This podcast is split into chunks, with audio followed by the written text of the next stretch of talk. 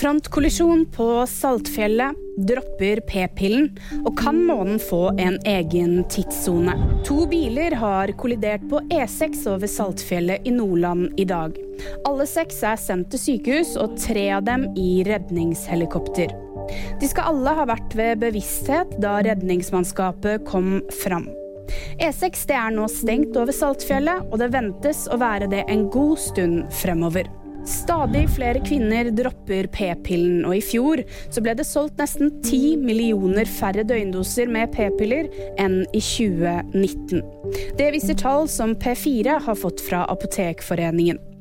Sex og Samfunn de sier at p-pillen har fått et ufortjent dårlig rykte, og at selv om det kan være bivirkninger, så er p-piller som regel helt trygge å bruke. Flere og flere vil til månen, og derfor så presses det nå hardt på at den skal få sin egen tidssone.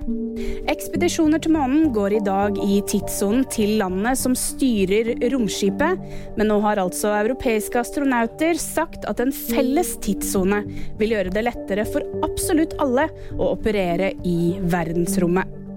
Apollo 17 i 1972 var den siste måneferden, og amerikanerne de planlegger å reise til månen på ny i 2024.